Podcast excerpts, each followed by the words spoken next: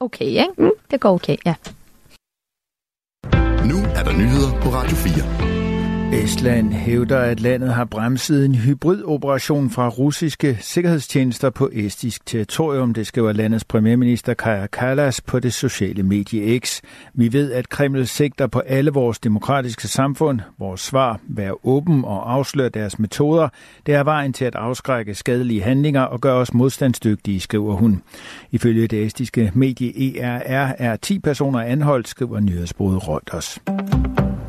FN-organet Verdens Fødevareprogram sætter levering af nødhjælp i form af fødevarer på pause i det nordlige Gaza. Forholdene i området er ikke sikre, lyder det i en udtalelse fra Verdens Fødevareprogram ifølge nyhedsbruget Reuters. Ifølge AFP kommer meldingen efter, at en konvoj af lastbiler er blevet udsat for skyderi og plyndring. Beslutningen om at sætte leveringer til den nordlige del af Gazastriben på pause har ikke været let at tage. Vi ved, at det betyder, at situationen der vil forværres, og at flere mennesker vil være i risiko for at dø af sult, skriver organisationen. I går genoptog organisationen leverancerne efter tre ugers pause, men delegationen fra FN-organet blev mødt af fuldstændig kaos og vold som følge af den civile ordens sammenbrud, lyder det ifølge AFP. De udsendte fra organisationen fortæller, at de overværede hidtil usete niveauer af desperation. Organisationen er til stede i over 120 lande og territorier verden over. De leverer livreddende fødevarer til mennesker i områder ramt af konflikt eller katastrofer. Ansvaret for Alexei Navalny's død ligger hos de russiske myndigheder, det vil Danmark gøre krystalklart for Rusland, det siger udenrigsminister Lars Løkke Rasmussen. Udmeldingen kommer efter, at den russiske ambassadør i Danmark, Vladimir Barbin, er blevet indkaldt til samtale i Udenrigsministeriet. Vi indkalder den russiske ambassadør til en samtale på linje med en lang række andre EU-lande. Det sker efter drøftelser, vi havde i går, fordi vi gerne vil sende et meget klart signal til Putin om, at vi holder ham ansvarlig for Navalny's død, siger Lars Løkke Rasmussen. Udenrigsministeriet oplyser, lidt efter kl. 14, at samtalen har fundet sted. Ministeriet giver ikke yderligere oplysninger om, hvad der er blevet talt om. Danmark forventer en undersøgelse af omstændighederne omkring dødsfaldet af den russiske oppositionsleder. At indkalde en ambassadør til samtale betragtes generelt som et markant diplomatisk værktøj. Det sender et stærkt signal om utilfredshed til den pågældende ambassadørs hjemland. De konservatives Niels Flemming Hansen skal i en periode igen være forsvarsordfører for partiet, mens Rasmus Jarlov, der normalt har posten, er sygemeldt. Det oplyser partiets gruppeformand Mona Jul.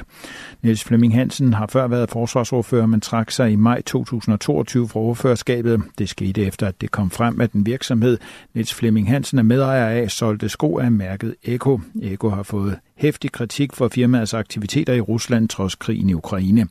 Rasmus er selvfølgelig tilbage på sine ordførerskaber, når han kommer igen, skriver Mona Jul i en sms til Ritzau. Niels Flemming Hansen, der udover at være folketingsmedlem, også er partiets spidskandidat til Europaparlamentsvalget, udtalte i en skriftlig kommentar til Vejle Folkeblad i 2022, at kritikken af EK var berettiget. Han erkendte her, at der kunne rejses tvivl om, hvor hans loyalitet lå. Jeg har derfor efter aftale med min gruppeformand meddelt, at jeg ønsker at stoppe som forsvarsordfører for det konservative Folkeparti lød det. I stedet for Rasmus Jarlov træder Tina Carter ind i Folketinget, hvor hun ikke har siddet før hun overtager Jarlovs andre overførskaber for blandt andet skat og finans. Arbejdsgiver og ansatte i regionerne er enige om en overenskomst med en lønramme på 8,8 procent over to år, det oplyser parterne på et pressemøde. Lønrammen fordeles, så 5,81 procent falder i 2024, mens 2,99 procent falder i 2025. FOA-formand Mona Strib er tilfreds med aftalen. Vi gik jo øh, til med kronerne, må man sige, øh, tilbage før december måned, og der havde vi et krav, og jeg havde helt personligt en ambition om, at vi skulle nå en for ramme. Øh, det dalede lidt ned med skønnet for den private lønudvikling, så det stod jo rimelig hurtigt klart, at det vil vi ikke komme op på. Og derfor satte vi jo snuden i sporet for en lang række krav, som øh, vi også vil have med. De generelle lønstigninger ender på 4,45 procent. Heraf falder 4 procent 1. april 2024. Der er desuden aftalt en række ting, der ikke handler om løn. Blandt andet har fædre fået ret til tre ugers ekstra barsel, ligesom det er aftalt, at gravide højst må have en nattevagt om ugen. I de kommende dage vil der blive lavet aftaler med de enkelte organisationer. Her skal der blandt andet udmyndtes de 2,3 milliarder kroner fra trepartsaftalen. Mest diset og let regn 5-9 grader, svag til frisk vind fra vest. I aften og i nat diset med regn af og til. Temperaturer ned mellem 3 og 7 grader, let til frisk sydvestlig vind. Det var nyhederne på Radio 4 med Thomas Sand. Du kan finde flere nyheder på vores hjemmeside radio4.dk.